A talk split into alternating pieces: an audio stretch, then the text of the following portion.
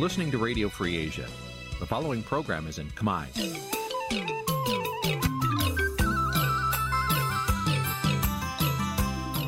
នេះជាកម្មវិធីផ្សាយវិទ្យុអាស៊ីសេរីនេះជាកម្មវិធីផ្សាយរបស់ Vithu Azisari ជាភាសាខ្មែរវិទ្យុអាស៊ីសេរីសូមស្វាគមន៍លោកអ្នកនាងទាំងអស់ពីរដ្ឋធានី Washington នៃសហរដ្ឋអាមេរិក បាទលោកនាងជាទីមេត្រីខ្ញុំបាទថាថៃពីទីក្រុងមែលប៊នប្រទេសអូស្ត្រាលីសូមជម្រាបសួរលោកនាងដែលកំពុងតាមដានការផ្សាយផ្ទាល់របស់វិទ្យុអាស៊ីសេរីនៅរាត្រីនេះខ្ញុំបាទសូមជូនកម្មវិធីផ្សាយសម្រាប់យប់ថ្ងៃពុធមួយកើតខែមករាឆ្នាំថោះបញ្ញស័កពុទ្ធសករាជ2567ត្រូវនៅថ្ងៃទី13ខែធ្នូគ្រិស្តសករាជ2023បាទជាដំបូងនេះសូមអញ្ជើញលោកនាង ស្ដាប់ព័ត៌មានប្រចាំថ្ងៃដែលមានមេត្តាដូចតទៅ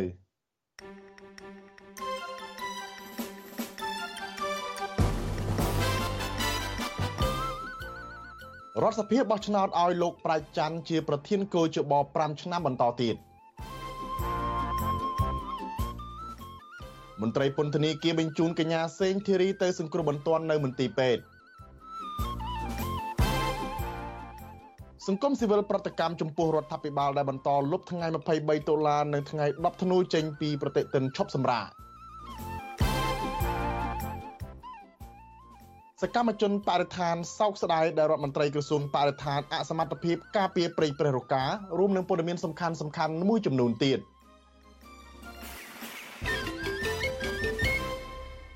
បាទជាបន្តទៅនេះខ្ញុំបាទថាថៃសូមជូនព័ត៌មានពិស្ដារដូចតទៅបាទរដ្ឋសភាដែលគ្រប់គ្រងដោយគណៈបកកណ្ដាលអំណាចបានបោះឆ្នោតឲ្យលោកប្រាជ្ញច័ន្ទ ដែលល្បីខាងប្តឹងមន្ត្រីគណៈបកប្រឆាំងនឹងពលរដ្ឋណាដែលហ៊ានរិះគន់ថាការបោះឆ្នោតមិនត្រឹមត្រូវនឹងយុត្តិធម៌នោះឲ្យបន្តដឹកនាំស្ថាប័នរៀបចំការបោះឆ្នោតឯករាជ្យមួយនេះបន្តទៀតបាទគណៈបកប្រឆាំងលើកឡើងថាគណៈដឹកនាំគណៈកម្មាធិការជ្រៀបចំការបោះឆ្នោតនៅមិនទាន់អាចឲ្យសាធារណជនជឿជាក់ថាមានឯករាជ្យភាពនៅឡើយទេ បាទលោកនាងនឹងបានស្ដាប់សេចក្តីរាយការណ៍នេះនៅពេលបន្តិចទៀតបាទហើយក្រៅពីនេះខ្ញុំបាទក៏នឹងមានបទសម្ភាសន៍មួយជាមួយនឹងប្រធានគណៈបកកម្លាំងជាតិគឺលោកសុនចន្ទធីថាតើលោកយល់ឃើញបែបណាចំពោះសមាជិកគោជបថ្មីនេះអាចជឿទុកចិត្តបានជាងមុនទេឬក៏នៅតែដដែលឬក៏កាន់តែអាក្រក់ជាងមុនបាទសូមលោកនាងរងចាំស្ដាប់បទសម្ភាសន៍របស់ខ្ញុំបាទជាមួយនឹងលោកសុនចន្ទធីនៅពេលបន្តិចទៀតនេះ ឥឡូវបើយើងប្រៀបធៀបមើលកីឡាករមកចៅទូកប៉ណ្ណឹងនៅមុខវាំងនៅមុខបកូនណា នៅមុខប្រជាពលរដ្ឋគ្រប់គ្នាដើម្បីឧទ្ទិសទៅដល់វីរភាពនៃកងនាវិកផងដើម្បីឧទ្ទិសប្ររពក្នុងពិធីបាតុភូតធម្មជាតិដ៏អស្ចារ្យនៃទន្លេយើងផងដែលហូរចុះហូរឡើង ផងនឹងស្រាប់ទីបំផុតនឹងគ្មាននរណាយកចិត្តទុកដាក់អីប្រមាណជាប្រើពាក្យនេះចុះកុំថាមិនយកចិត្តទុកដាក់សោះប្រហែលជាគេឲ្យលុយឲ្យកាក់អីបន្តិចបន្តួចណាមានមានមានមានអុកញ៉ាគាត់គាត់អីគាត់គាត់ sponsor គាត់គាត់គាត់ឧបត្ថម្ភកីឡាករឲ្យនឹងទៅមានលុយមានកាក់អីទៅប៉ុន្តែទោះបីជាយ៉ាងណាក៏ដោយបងទោះបីជាយ៉ាងណាក៏ដោយកីឡាករមិនអាចឲ្យមកយកថ្ម3ដុំអឺធ្វើមហូបខ្ទះអីធ្វើបាយតាមមាត់ទន្លេតាមបាយតាមមាត់ទន្លេហើយតាមមាត់ទន្លេហ្នឹងមិនមាត់ទន្លេស្អាតក៏ខ្ញុំមិននិយាយដែរបងមាត់ទន្លេហ្នឹងយើងមើលរូបថតខ្លួនឯងទៅសម្រាមគោនឹងហ្នឹង បាទលោកអ្នកនាងកញ្ញាជាទីមេត្រីប្រសិនបើលោកអ្នកនាងខកខានមិនបានស្ដាប់ឬក៏ទស្សនាកម្មវិធី podcast របស់អាស៊ីសេរីកម្ពុជាសប្តាហ៍នេះលោកអ្នកនាងអាចស្វែងរកកម្មវិធី podcast នេះ តាមបណ្ដាញ podcast នានាដូចជា Apple Podcast Google Podcast ជាដើម ហើយសូមអញ្ជើញលោកអ្នកនាងសរសេរនៅក្នុង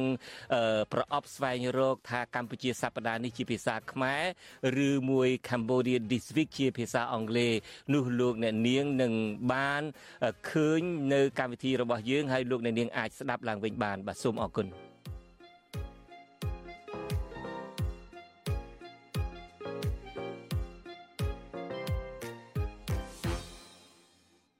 បាទលោកនាងជាទីមេត្រីឥឡូវនេះយើងងាកមកមើលស្ថានភាពរបស់កញ្ញាសេងធីរីដែលជាមេធាវីខ្មែរអាមេរិកាំងនិងជាអ្នកជំនាញវិទ្យាសាស្ត្រនយោបាយអន្តរជាតិវិញ បាទមន្ត្រីពន្ធនាគារព្រៃសរបានបញ្ជូនកញ្ញាសេងធីរីទៅសង្គ្រោះបន្ទាន់នៅមន្ទីរពេទ្យរុស្ស៊ីក្នុងរាជធានីភ្នំពេញនៅព្រឹកថ្ងៃទី13ធ្នូក្នុងពេលដែលកញ្ញាកំពុងធ្វើកុតកម្មបង្អត់អាហារទាមទារឲ្យតុលាការដោះលែងកញ្ញាអស់រយៈពេលជិត1សប្តាហ៍មកហើយជាមួយគ្នានេះសាឡាធរភ្នំពេញក៏សម្រេចពន្យាពេលជំនុំជម្រះក្តីលើសំណុំរឿងក្បត់ជាតិរបស់កញ្ញានិងមន្ត្រីគណៈបកប្រឆាំងចំនួន2នាក់ទៀតទៅពេលក្រោយដោយសារកញ្ញាសេងធីរីមានបញ្ហាសុខភាព បាទសូមលោកនាងស្ដាប់សេចក្តីរាយការណ៍របស់លោកទីនសការីយ៉ាអំពីរឿងនេះសុខភាពរបស់កញ្ញាសេងធារីនៅមិនទាន់បានប្រសើរវិញនៅឡើយទេគិតមកត្រឹមរសៀលថ្ងៃទី13ធ្នូនេះអ្នកនាំពាក្យអគ្គនាយកដ្ឋានពន្ធនាគារនៃក្រសួងមហាផ្ទៃលោកនុតសាវណ្ណាមានប្រសាសន៍ថាក្រុមគ្រូពេទ្យបានពិនិត្យសុខភាពអ្នកច្បាប់និងជាអ្នកជំនាញវិទ្យាសាស្ត្រនយោបាយកញ្ញាសេងធារីរកឃើញថាសុខភាពរបស់កញ្ញាចុះខ្សោយដោយសារតែការអត់អាហារច្រើនថ្ងៃជាប់ជាប់គ្នា លោកបន្តថាគ្រូពេទ្យនៅតែបន្តតាមដានសុខភាពកញ្ញាសេងធារី នៅមន្ទីរពេទ្យរុស្ស៊ីនៅឡើយគិតមកត្រឹមរសៀលថ្ងៃទី13ធ្នូនេះយើងគ្រាន់តែទុកគាត់នៅពេទ្យហ្នឹងដើម្បីស្រួលមានការអីសង្គ្រោះបន្ទាន់អីយើងនៅនឹងពេទ្យស្រាប់វាស្រួលមិនចាំលឹកគាត់ចុះឡើងនោះហើយយើងបន្តតាមដានវាតម្លៃស្ថានភាពសុខភាពគាត់ជាប្រចាំបាទបើមិនជាមានករណីណាឈានទៅដល់បញ្ហាធំដុំអាហ្នឹងពេទ្យគេនៅនឹងស្រាប់ណា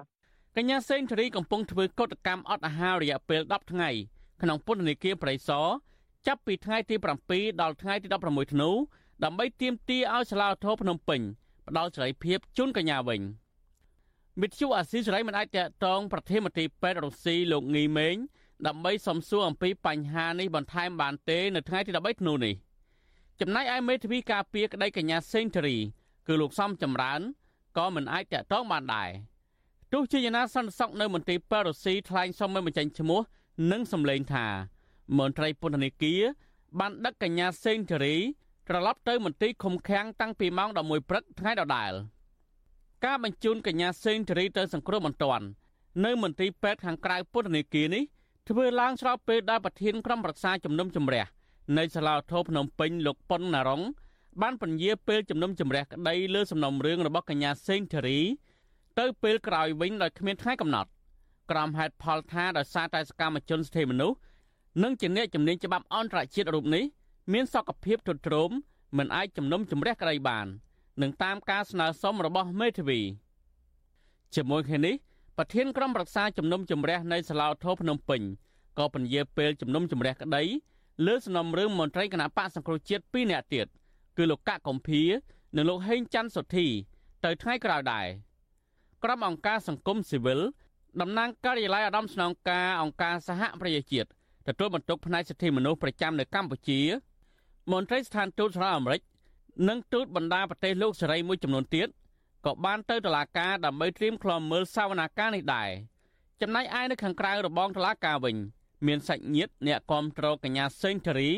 ប្រមាណជា10នាក់បានទៅលើកបាដាទៀមទាឲ្យតុលាការដោះលែងកញ្ញា និងមន្ត្រីបកប្រឆាំងទាំងពីរនាក់ឲ្យមានសេរីភាពឡើងវិញប្រពន្ធលោកកកុម្ភាគឺលោកស្រីព្រំចន្ទថា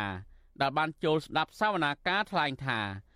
ភ្លាមភ្លាមក្រោយពីមន្ត្រីតុលាការប្រកាសថាកញ្ញាសេងធារី មានសុខភាពទ្រុឌទ្រោមធ្វើឲ្យមន្ត្រីទូតបណ្ដាប្រទេសលោកសេរីដែលនៅក្នុងបន្ទប់សវនាការភ្ញាក់ផ្អើលហើយហាក់បារម្ភពីសុខភាពរបស់កញ្ញាសេងធារីអឺគាត់ដូចថាគាត់ជាសជាតិអាមេរិកចឹងទៅមិញហ្នឹងខាងអឺ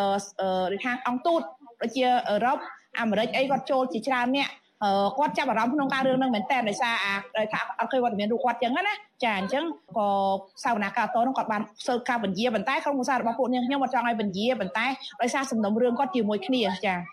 ដោយឡែកប្រធានសមាគមការពារសិទ្ធិមនុស្សអាត់ហុកលោកនីសុខា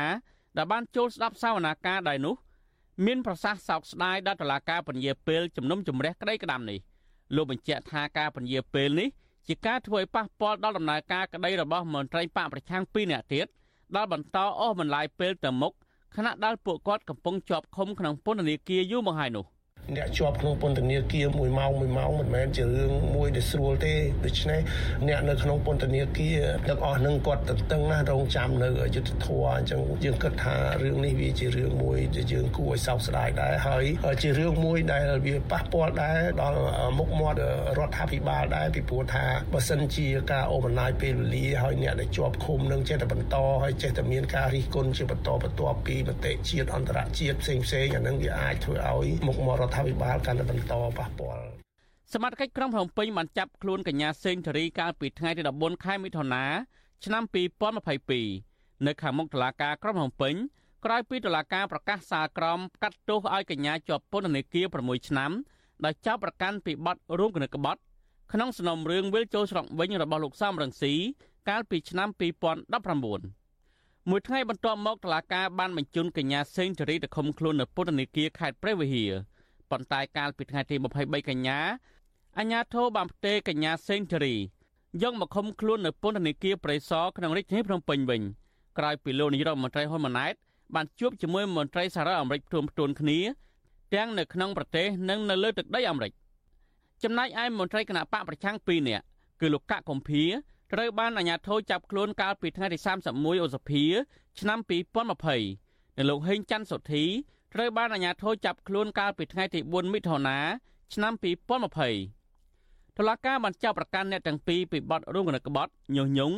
ឲ្យយោធិនមិនស្ដាប់បង្គាប់និងញុះញង់ឲ្យប្រព្រឹត្តបទអក្រិតជាអាតពាក់ព័ន្ធនឹងគម្រោងវិលចូលស្រុកវិញរបស់លោកសំរងស៊ីកាលពីឆ្នាំ2019កន្លងទៅអង្គការជាតិនិងអន្តរជាតិបានចាត់ទុកការចាប់ខ្លួននេះថាជារឿងនយោបាយនិងបានអំពាវនាវឲ្យតុលាការដោះលែងពួកគេ ឲ្យមានសេរីភាពឡើងវិញដោយឥតលក្ខខណ្ឌខ្ញុំបាទទីនសាការីយ៉ាអស៊ីសេរីប្រធានាធិបតី Washington បាទតកតូនទៅនឹងករណីជួញដូរមនុស្សវិញបាទមន្ត្រីអង្គការសង្គមស៊ីវិលជំរុញឲ្យរដ្ឋាភិបាលបើកការស៊ើបអង្កេតដោយឯករាជ្យនិងមានការចូលរួមពីក្រុមអង្គការជាតិនិងអន្តរជាតិ ដែលបានរកឃើញថាការបោកប្រាស់តាមអនឡាញនិងការជួញដូរមនុស្សនៅក្នុងប្រទេសកម្ពុជា ការលើកឡើងនេះគឺធ្វើឡើងក្រោយពីរដ្ឋមន្ត្រីក្រសួងមហាផ្ទៃលោកសសុខាបានច្រានចោលរបាយការណ៍រកឃើញរបស់អង្គការសហប្រជាជាតិដែលបានរកឃើញថាមនុស្សជាង100000នាក់ត្រូវបានបង្ខំឲ្យធ្វើការងារបោកប្រាស់តាមប្រព័ន្ធអនឡាញលោកសេចបណ្ឌិតរាយការណ៍ព័ត៌មាននេះ មន្ត្រីអង្គការសង្គមស៊ីវិលលើកឡើងថារដ្ឋាភិបាលគួរតែឆ្លុះបញ្ចាំងឲ្យឃើញពីការពិតចំពោះរបាយការណ៍របស់អង្គការសហប្រជាជាតិនិងស្ថាប័នអន្តរជាតិផ្សេងៗទៀតតាមរយៈការស៊ើបអង្កេតដោយឯករាជ្យនិងមានការចូលរួមពីស្ថាប័នទាំងនោះដើម្បីបង្ហាញពីតម្លាភាពនៃការស៊ើបអង្កេតប្រធានផ្នែកប្រយុទ្ធប្រឆាំងការជួញដូរមនុស្សនិងទេសនប្រវេសនៃអង្គការសង្ត្រាល់លោកឌីថេហូយ៉ាប្រាប់បទសុអសីស្រីនៅថ្ងៃទី13ខែធ្នូថា ការច្រានចោលរបាយការណ៍របស់អង្គការសហប្រជាជាតិនិងអង្គការជាតិអន្តរជាតិផ្សេងទៀតនៅមិនទាន់គ្រប់គ្រាន់ដើម្បីឆ្លើយតបចំពោះរបាយការណ៍ដែលរកឃើញអំពីករណីបង្ខំឲ្យមនុស្សជាង100000នាក់ធ្វើការឆបោកតាមប្រព័ន្ធអ៊ីនធឺណិតនៅកម្ពុជានោះឡើយហេតុផលដែលខ្ញុំនិយាយថាវាអត់គ្រប់គ្រាន់គឺយើងអត់បានសហការជាមួយដៃគូដែលធ្វើការលើវិស័យហ្នឹងដើម្បីស៊ើបអង្កេតថាតើវាមានរឿងនឹងពិតអត់ របាយការណ៍គេរកឃើញបែបហ្នឹងហើយអ្នកដែលពាក់ព័ន្ធអ្នកដែលយល់អ្នកដែលដឹងរឿងហ្នឹងត្រូវតែសហការហើយស្វែងរកការពិតយើងបានធ្វើហ្នឹងនៅការលើកឡើងនេះធ្វើឡើងក្រោយពីរដ្ឋមន្ត្រីក្រសួងមហាផ្ទៃនិងជាប្រធានគណៈកម្មាធិការជាតិប្រយុទ្ធប្រឆាំងអំពើជួញដូរមនុស្សលោកសសុខា កាលពីថ្ងៃទី12ខែធ្នូក្នុងខួបទី17នៃទិវាជាតិប្រយុទ្ធប្រឆាំងអំពើជួញដូរមនុស្សនៅមជ្ឈមណ្ឌលសន្និបាត និងពិព័រណ៍កោះពេជ្រ បានច្រានចោលចំពោះរបាយការណ៍ដែលរកឃើញថាមានពលរដ្ឋកម្ពុជាជាង100000នាក់ត្រូវបានគេបង្ខំឲ្យធ្វើការឆបោកតាមប្រព័ន្ធអនឡាញលោកបានហាងទៀតថាសមត្ថកិច្ចបានស្រាវជ្រាវបទល្មើសនេះ បានជាង1000ករណីក្នុងនោះករណីបង្ខំឲ្យធ្វើការដោយខុសច្បាប់ចំនួន259នាក់ដែលសមត្ថកិច្ចសន្និដ្ឋានថា ជាករណីជួញដូរមនុស្សហើយករណីបង្ខាំងមនុស្ស សមត្ថកិច្ចបានចាប់ខ្លួនជនសង្ស័យចំនួនជិត100នាក់លោកសសុខាថ្លែងថា តាមរបាយការណ៍នេះបង្ហាញថាมันមានជនរងគ្រោះក្នុងការបង្ខំឲ្យធ្វើការដោយខុសច្បាប់ដោយឆបោកតាមប្រព័ន្ធអនឡាញរហូតដល់ជាង100000នាក់នោះទេ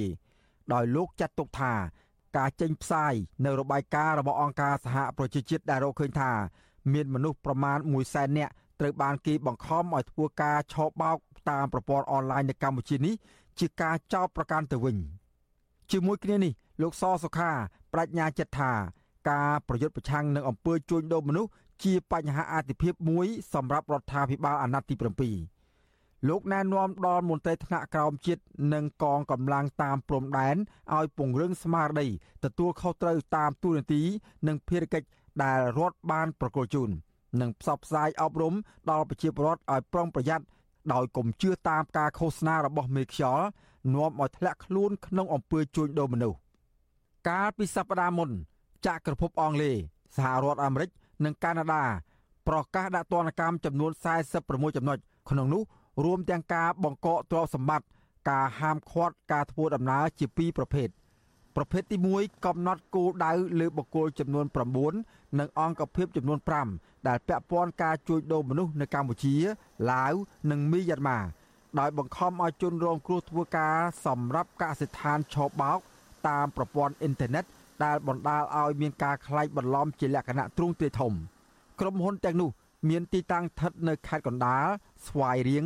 ខេត្តព្រះសីហនុនិងរាជធានីភ្នំពេញជាដើម មួយវិញទៀតរបាយការណ៍របស់អង្គការសហប្រជាជាតិចេញផ្សាយកាលពីខែសីហារកឃើញទៀតថា កម្ពុជានិងភូមាឬមីយ៉ាន់ម៉ាគឺជាមជ្ឈមណ្ឌលស្នូលនៃការប្រព្រឹត្តអំពើឆបោកតាមប្រព័ន្ធអនឡាញនៅតំបន់អាស៊ីអាគ្នេយ៍យ៉ាងហោចណាស់មានមនុស្ស100,000នាក់បានក្លាយជាជនរងគ្រោះ ដោយសារតែការបង្ខំឲ្យប្រព្រឹត្តអំពើឆបោកតាមអនឡាញនៅកម្ពុជា ហើយទីតាំងនៃការប្រព្រឹត្តបទល្មើសឆបោកតាមអនឡាញច្រើនបំផុតនៅកម្ពុជា គឺនៅខេត្តព្រះសីហនុនិងរាជធានីភ្នំពេញហើយទីតាំងផ្សេងទៀតមាននៅខេត្តកណ្ដាលកោះកុងប៉ោយប៉ែតពោធិ៍សាត់ខេត្តកំពត និងនៅតំបន់ទន្លេបាសាក់ក្បែរព្រំដែនកម្ពុជាវៀតណាម នៅក្នុងក្រុងបាវិតខេត្តស្វាយរៀងហើយទីតាំងដែលល្បីល្បាញជាងគេនោះគឺអគារខ្ពស់ កប់ពពកមួយកន្លែងនៅឆ្នេរអូត្រេសក្នុងខេត្តព្រះសីហនុទោះជារបាយការណ៍ទាំងនោះបានបង្ហាញឈ្មោះបុគ្គលក្រុមហ៊ុននិងទីតាំងដែលប្រព្រឹត្តអំពើពាក់ព័ន្ធនឹងការជួញដូរមនុស្សក្តីក៏ប៉ុន្តែអាជ្ញាធរនៅពុំទាន់មានការស៊ើបអង្កេតណាមួយឆ្លើយតបចំពោះការរកឃើញនោះទេវិទ្យុអសីស្រីនៅពុំទាន់អាចតាក់ទងแนะនាំពាក្យក្រសួងមហាផ្ទៃលោកទូចសុខៈ និងអ្នកនាំពាក្យអគ្គស្នងការនគរបាលជាតិលោកឆាយកឹមខឿនដើម្បីឆ្លើយតបចំពោះបញ្ហានេះបាននៅឡើយទេ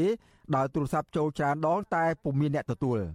ចំណែកឯអនុប្រធានអចិន្ត្រៃយ៍នៃគណៈកម្មាធិការជាតិប្រយុទ្ធប្រឆាំងអំពើជួញដូរមនុស្សអ្នកស្រីជូប៊ុនអេងថ្លែងប្រាប់បទសុអសីសេរីយ៉ាងខ្លីថាអ្នកស្រីបានទទួលព័ត៌មានការដាក់ទណ្ឌកម្មចំពោះបុគ្គលនិងក្រុមហ៊ុនមួយចំនួននៅកម្ពុជាតាក់ទងនឹងអំពើជួញដូរមនុស្ស ប៉ុន្តែបើគេរកឃើញយ៉ាងម៉េចអត់ទៅមានសោះអីព្រោះហ្នឹងវាជារឿងបណ្ឌកម្មខ្ញុំគិតថាទោះបីអង្គទេក៏អត់មិនធ្វើការតែឯងដែរគឺសហការជាមួយរដ្ឋបាលនេះទៅសម័យឯងទោះយ៉ាងណាប្រធានផ្នែកប្រយុទ្ធប្រឆាំងការជួញដូរមនុស្សនិងទេសនប្រវេសនៃអង្គការសង្ត្រាល់លោកឌីថេអូយ៉ាលើកឡើងថារបាយការណ៍របស់អង្គការអន្តរជាតិនិងអង្គការសហប្រជាជាតិសរសេរផ្អែកលើភ័ស្តុតាងហើយស្នើដល់រដ្ឋាភិបាល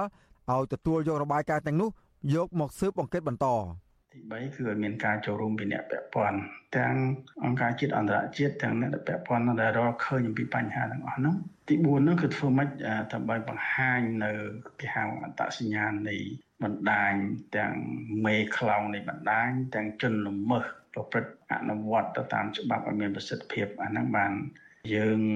ជឿជាក់ទៅលើពីរបៀបនៃការធ្វើការបើមិនចឹងទេព្យាយាមបានត្រឹមតែមកដោះសារក៏ប៉ុន្តែវាមិនអាចដោះស្រាយបានព្រោះដោះសារវាមានចំណែកក្នុងការចូលរួមដោះស្រាយបញ្ហាបានទេវាតទៅដោះស្រាយបញ្ហាមិនទៅបញ្ហាហ្នឹងបាទតកតូននឹងករណីឆោបោកនេះដែរ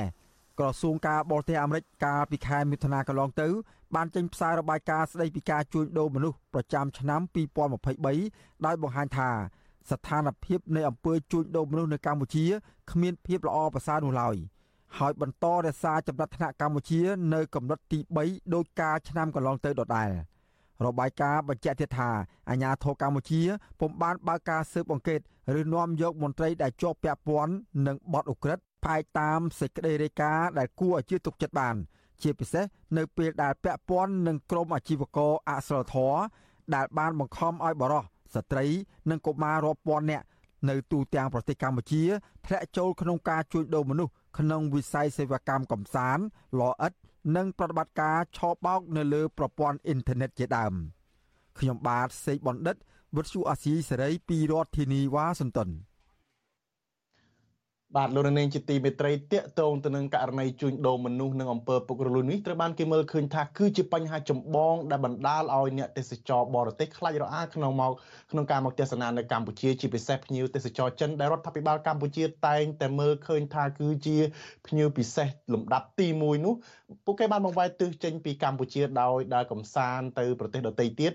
ជាពិសេសគឺនៅប្រទេសថៃទៅវិញបាទថាតើមាននៅប្រទេសថៃនោះមានសក្តានុពលទេសចរអ្វីសំខាន់ជាងកម្ពុជាបានជាអាចទាក់ទាញភ្ញៀវទេសចរចិនទៅយ៉ាងច្រើនឲ្យទៅទស្សនានៅក្នុងប្រទេសថៃខុសពីកម្ពុជាបើទោះបីជារដ្ឋាភិបាលខំព្យាយាមទាក់ទាញយ៉ាងណាក៏ដោយក៏មិនទាន់ឃើញមានភ្ញៀវទេសចរចិនសម្រុកមកទស្សនាតាមការអំពាវនាវនៅឡើយទេបាទអ្នកស្រីសុជីវីមានសេចក្តីរាយការណ៍ពិស្ដារជំវិញរឿងនេះពេលបច្ចុប្បន្នចំនួនភ្ញៀវទេសចរដែលមកទស្សនាកម្ពុជាធ្លាក់ចុះយ៉ាងខ្លាំងបើទោះបីជារដ្ឋាភិបាលកម្ពុជា ក្រសួងទេសចរ និងផ្នែកពាក់ព័ន្ធខ្លះទៀតកំពុងប្រឹងប្រែងធ្វើយុទ្ធនាការតាក់ទាញយ៉ាងណាក្តីអគ្គនាយកគ្រឹះស្ថានអង្គរដែលជាកន្លែងលក់សម្បត្តិឲ្យភ្ញៀវចូលទស្សនាអង្គរលោកលីសែឲ្យដឹងថា ក្នុងរយៈពេល11ខែនៅឆ្នាំ2023នេះចំនួនភ្ញៀវទេសចរចិនដែលមកកំសាន្តនៅរមណីយដ្ឋានអង្គរមានប្រមាណ70000នាក់មន្ត្រីដដែលបានរំពឹងថាពេញមួយឆ្នាំ2023នេះ កម្ពុជាអាចនឹងទទួលភ្ញៀវទេសចរចិនមកទស្សនាអង្គរបានប្រហែលជាង80000នាក់ប៉ុណ្ណោះចំណែកក្រសួងទេសចរឲ្យដឹងថានៅក្នុងឆ្នាំ2023កម្ពុជាអាចនឹងទទួលភ្ញៀវទេសចរចិននៅទូទាំងប្រទេសបានប្រមាណ60ម៉ឺននាក់តួលេខអ្នកទេសចរចិនមកទស្សនាកម្ពុជានេះខុសគ្នាឆ្ងាយបើប្រៀបធៀបជាមួយប្រទេសថៃក្នុងរយៈពេល10ខែទទួលបានភ្ញៀវទេសចរចិនប្រមាណជាង3លាននាក់នោះ អញ្ញាធិបទេសចរថៃបានរំពឹងទុកទៀតថាពេញមួយឆ្នាំ2023នេះប្រទេសថៃអាចនឹងទទួលបានភ្ញៀវទេសចរចិនប្រមាណពី3លាន4សែននាក់ទៅ3លាន5សែននាក់តើប្រទេសថៃមានសក្តានុពលទេសចរអ្វីខ្លះសំខាន់ជាងកម្ពុជា បានជាអាចតាក់ទាញភ្ញៀវទេសចរចិនយ៉ាងច្រើនទៅកំសាន្តចំណែកឯកម្ពុជាដែលជាមិត្តដៃថែបជាមួយចិនហេតុអ្វីបានជាមិនអាចតាក់ទាញភ្ញៀវទេសចរចិន ឲ្យមកទស្សនាបានច្រើនដូចជាប្រទេសថៃដែរអ្នកតាមដានភូមិសាស្ត្រតំបន់អាស៊ីអាគ្នេយ៍និងប៉ាស៊ីហ្វិកលោកសេងវ៉ាន់លីមើលឃើញថាបើនិយាយពីប្រាង្គប្រាសាទតំបន់វប្បធម៌គឺប្រទេសថៃមិនអាចប្រៀបផ្ទឹមស្មើនឹងកម្ពុជាបានទេក៏ប៉ុន្តែប្រទេសថៃដែលអាចតាក់ទាញភ្ញៀវទេសចរចិននិងបរទេសចម្រុះជាតិសាសន៍ឲ្យទៅកំសាន្តបានច្រើនដោយសារតែថៃមិនផ្ដោតលើវិស័យទេសចរតែតំបន់ប្រវត្តិសាស្ត្រទេ គឺគេមានវិស័យចម្រុះជាច្រើនទៀត ដូចជាតំបន់ភ្នំមាត់សមុទ្រតំបន់ទេសចរកំសាន្តពេលរាត្រីរួមទាំងគោលនយោបាយនៃសេវាកម្មទេសចរនិងសន្តិសុខរបស់ប្រទេសគេល្អផងធ្វើឲ្យអ្នកទេសចរជឿជាក់នឹងចូលចិត្តទៅកំសាន្ត ហើយវិស័យសេវាកម្មទេសចររបស់យើងហ្នឹងគឺយើងនៅមិនទាន់មានភាពសម្បូរបែបនៅឡើយទេហើយមួយទៀតខ្ញុំមើលឃើញដោយសារតែវិបត្តិសេដ្ឋកិច្ចសកលហ្នឹងវាធ្វើឲ្យប៉ះពាល់ដល់ជីវភាពការរស់នៅរបស់ប្រជាពលរដ្ឋចិនចឹងហើយយើងឃើញថាជនជាតិចិនក្រោយៗមកនេះមិនសូវជាបានប្រតិកម្មទៅលើការធ្វើដំណើរទៅទេសចរប្រទេសជិតខាងទេនេះជាបញ្ហាមួយដែលធ្វើឲ្យប៉ះពាល់ដល់កំណើនសេដ្ឋកិច្ចដែលពឹងផ្អែកទៅលើវិស័យទេសចរដូចជាកម្ពុជាបាទនាយករដ្ឋមន្ត្រីលោកហ៊ុនម៉ាណែតបានថ្លែងក្នុងពិធីបុណ្យសមុទ្រលើកទី10នៅខេត្តកែប កាលពីថ្ងៃទី3ខែធ្នូថា វិស័យទេសចរកម្ពុជា បានរងការប៉ះពាល់យ៉ាងខ្លាំងចាប់តាំងពីកើតជំងឺ Covid-19 ដោយធ្វើឲ្យការធ្វើដំណើរទាំងក្នុងនិងក្រៅប្រទេសផ្អាកស្ទើរតែទាំងស្រុងបង្ខំឲ្យអាជីវកម្មទេសចរនិងធុរកិច្ចពាក់ព័ន្ធជាច្រើនបិទទ្វារនិងរុញច្រានឲ្យបុគ្គលិករាប់ពាន់នាក់បាត់បង់ការងារ។ ក្នុងឆ្នាំ2024នេះគឺជាវិស័យអតិភិបមួយដែលរាជរដ្ឋាភិបាលបានដាក់គោលនយោបាយជាបន្តបន្ទាប់នៅក្នុងវេទិកាជួបជាមួយវិស័យឯកជនចំបាក់ចាក់ចែងនៅវិធានការពុទ្ធស្រួយចំនួនដើម្បីជួយទោះបីជាយើងដាក់ឆ្នាំ2024ជាឆ្នាំទស្សនាសៀមរាបក៏ដោយប៉ុន្តែវិស័យទេសចរមិនមែនយើងយកចិត្តទុកដាក់ជួយ តែវិស័យទេសចរនៅសៀមរាបនោះទេវិស័យទេសចរគឺត្រូវគិតគ្រប់ទីកន្លែងហើយមិនត្រឹមតែគិតតែសម្រាប់ទេសចរដែលពីក្រៅប្រទេសនោះទេ យើងត្រូវទាំងគិតទាំងទេសចរក្នុងប្រទេសផងជាមួយគ្នានេះរដ្ឋាភិបាលកម្ពុជាកំពុងប្រឹងប្រែងស្ដារវិស័យទេសចរឡើងវិញដោយដាក់ចេញនូវគោលនយោបាយមួយចំនួនដូចជាថែរក្សាសន្តិភាពរួមគ្នាថែរក្សាឆ្នេរសមុទ្រឲ្យបានស្អាតបំផុតស័ក្តិសមនឹងនាមជាតារារះនាទិសនិរដី បន្តការអភិវឌ្ឍតំបន់ឆ្នេរនិងកសាងហេដ្ឋារចនាសម្ព័ន្ធចាំបាច់សម្រាប់បម្រើឲ្យវិស័យទេសចរការយកចិត្តទុកដាក់ខ្ពស់ថែរក្សាសន្តិសុខ និងសុវត្ថិភាពភ្ញៀវទេសចរនៅគ្រប់គោលដៅព្រមទាំងតាក់ទាញប្រទេសមួយចំនួនឲ្យបង្កើតជើងហោះហើរត្រង់ឆ្ពោះមកក្រុងភ្នំពេញ និងខេត្តសៀមរាបជាដើម អ្នកសិក្សាកិច្ចការសង្គមយល់ឃើញថាថ្មីបើកម្ពុជា មានកន្លែងល្អសម្រាប់បង្ហាញទៅកាន់អ្នកទេសចរពិភពលោកក្តីក៏កម្ពុជាមិនអាចតាក់ទាញអ្នកទេសចរបរទេសឲ្យចូលមកកំសាន្តបានច្រើនទេប្រសិនបើកម្ពុជាមិនបំបត្តិអំពើពុករលួយ នៅតាមច្រកទ្វារព្រំដែន តាក់ទងនៅផ្នែកសេវាកម្មនិងរដ្ឋបាលដើម្បីលើកទឹកចិត្តអ្នកទេសចរឲ្យបានប្រសើរទេនោះអ្នកសិក្សាកិច្ចការសង្គមនិងនយោបាយលោកប៉ៅមករាមានប្រសាសន៍ថាបើក្រឡេកមើលទៅប្រទេសថៃបច្ចុប្បន្នការបម្រើសេវាទេសចររបស់ពួកគេ គឺមានសក្តានុពលខ្ពស់ជាងកម្ពុជា គេមិនសូវមានអំពើពុករលួយ ក្នុងការទារលុយពីទេសចរក្រៅគោលការណ៍ហើយការបំពេញសំណុំបែបបត់សម្រាប់ភ្ញៀវទេសចរទៀតសោត គឺធ្វើបានលឿនមិនសាំញ៉ាំឯកម្ពុជាវិញនៅមានបញ្ហាច្រើនក្នុងរឿងនេះដូចជាមន្ត្រីនៅតាមច្រកទ្វារព្រំដែនទារលុយពីភ្ញៀវនៅពេលបោះត្រាលើលិខិតឆ្លងដែនជាដើម។ បើយើងចង់ប្រកួតប្រជែងជាមួយនឹងប្រទេសខាងដូចថៃដូចវៀតណាមអីកម្ពុជាគួរតែផ្ដើមបោះសម្អាតសេវាសាធារណៈពិសេសគឺពាក់ព័ន្ធទៅនឹងសេវារដ្ឋបាលពិកិច្ចឆ្លងដែនអីនឹងសេវាចិញ្ចូលសេវាកម្មពាក់ព័ន្ធទៅនឹងហូបអាហារក៏តំបន់ទេសចរមួយមួយកុំឲ្យមានភាពសាមញ៉ាំហើយកុំឲ្យមានអំពើពុករលួយនឹងអញ្ចឹងបើសិនជារដ្ឋាភិបាលមក បង្ក្រាបឬក៏លុបបំបាត់នៅអំពើពុករលួយនឹងគ្រប់ទីកន្លែងពាក់ព័ន្ធនឹងបនទេសចរអីរបស់ស្ថាប័នរដ្ឋនឹងក្តីអាហ្នឹងកម្ពុជានឹងមានព្រៀបឡើងវិញកម្ពុជានឹងទទួលបានភ្ញៀវទេសចរច្រើនណាស់បញ្ហាសំខាន់មួយទៀតដែលភ្ញៀវទេសចរចិននិងបរទេសមិនចង់មកលេងដោយសារតែកម្ពុជាជាប់ឈ្មោះជាជំរកក្រុមជនឆបោកតាមអ៊ីនធឺណិតរួមទាំងការជួញដូរមនុស្សអំពើចាប់ចម្រិតមនុស្សទារប្រាក់ជាដើមកាលពីខែកញ្ញាសារព័ត៌មានបរទេសឈ្មោះ Nikkei Asia ធ្លាប់ចុះផ្សាយថាប្រទេសកម្ពុជា ជាជំរកសម្រាប់ក្រុមជនឆបោកតាមអ៊ីនធឺណិតដែលមានទាំងការជួញដូរមនុស្សអំពើចាប់ចម្រិតទារប្រាក់ព្រមទាំងការបាញ់សម្លាប់មនុស្សបន្ថែមពីលើនេះភាពយន្តចិនដែលមានចំណងជើងថា No More Bets ក៏បាននិយាយអាក្រក់ពីកម្ពុជា និងចាត់ទុកកម្ពុជាជាប្រទេសម៉ាហ្វៀជាកន្លែងចាប់ចម្រិតនិងធ្វើទរណកម្មមនុស្សគួរឲ្យភ័យខ្លាចដែលបញ្ហាទាំងនេះកំពុងធ្វើឲ្យកម្ពុជាជាប់កេរ្តិ៍ឈ្មោះយ៉ាងអាក្រក់ ព្រមទាំងប៉ះពាល់ដល់កិច្ចខិតខំប្រឹងប្រែងក្នុងការស្ដារវិស័យឧស្សាហកម្មទេសចរឡើងវិញយ៉ាងខ្លាំងប្រធានសហភាពការងារកម្ពុជាលោកអាត់ធុនឲ្យដឹងថាការបាត់បង់ភ្ញៀវទេសចរជនជាតិចិននិងបរទេសនៅទូទាំងកម្ពុជា បានធ្វើអ្នកពាក់ព័ន្ធប្រមាណ100000នាក់ដូចជាអ្នកបម្រើសេវាកម្មទេសចរនៅតាមសន្តាគារនិងភោជនីយដ្ឋាន ផ្នែកដឹកជញ្ជូនព្រមទាំងកសិករដែលជាអ្នកផ្គត់ផ្គង់ផលិតផលផង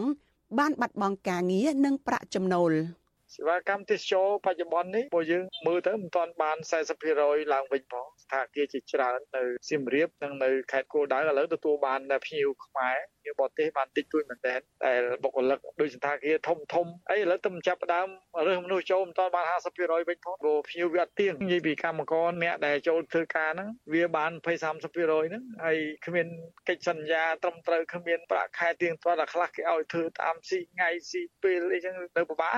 ទេសចរនោះអ្នកនាំពាក្យក្រសួងទេសចរលោកតបសុភ័ក្រធ្លាប់ប្រាប់សារព័ត៌មានចិនស៊ីនហួរកាលពីអំឡុងឆ្នាំ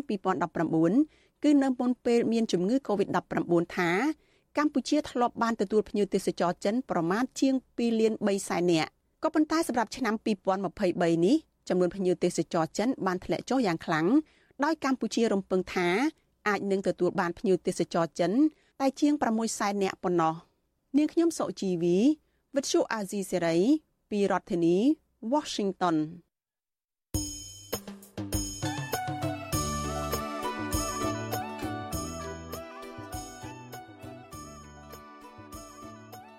បាទដំណើរគ្នានឹងស្ដាប់ការផ្សាយរបស់វិទ្យុអាស៊ីសេរីតាមបណ្ដាញសង្គម Facebook YouTube និង Telegram លោកនាងក៏អាចស្ដាប់ការផ្សាយផ្ទាល់របស់វិទ្យុអាស៊ីសេរីតាមរយៈរលកធាតុអាកាសខ្លីឬ Shortwave តាមកម្រិតនិងកម្ពស់ដូចតទៅនេះ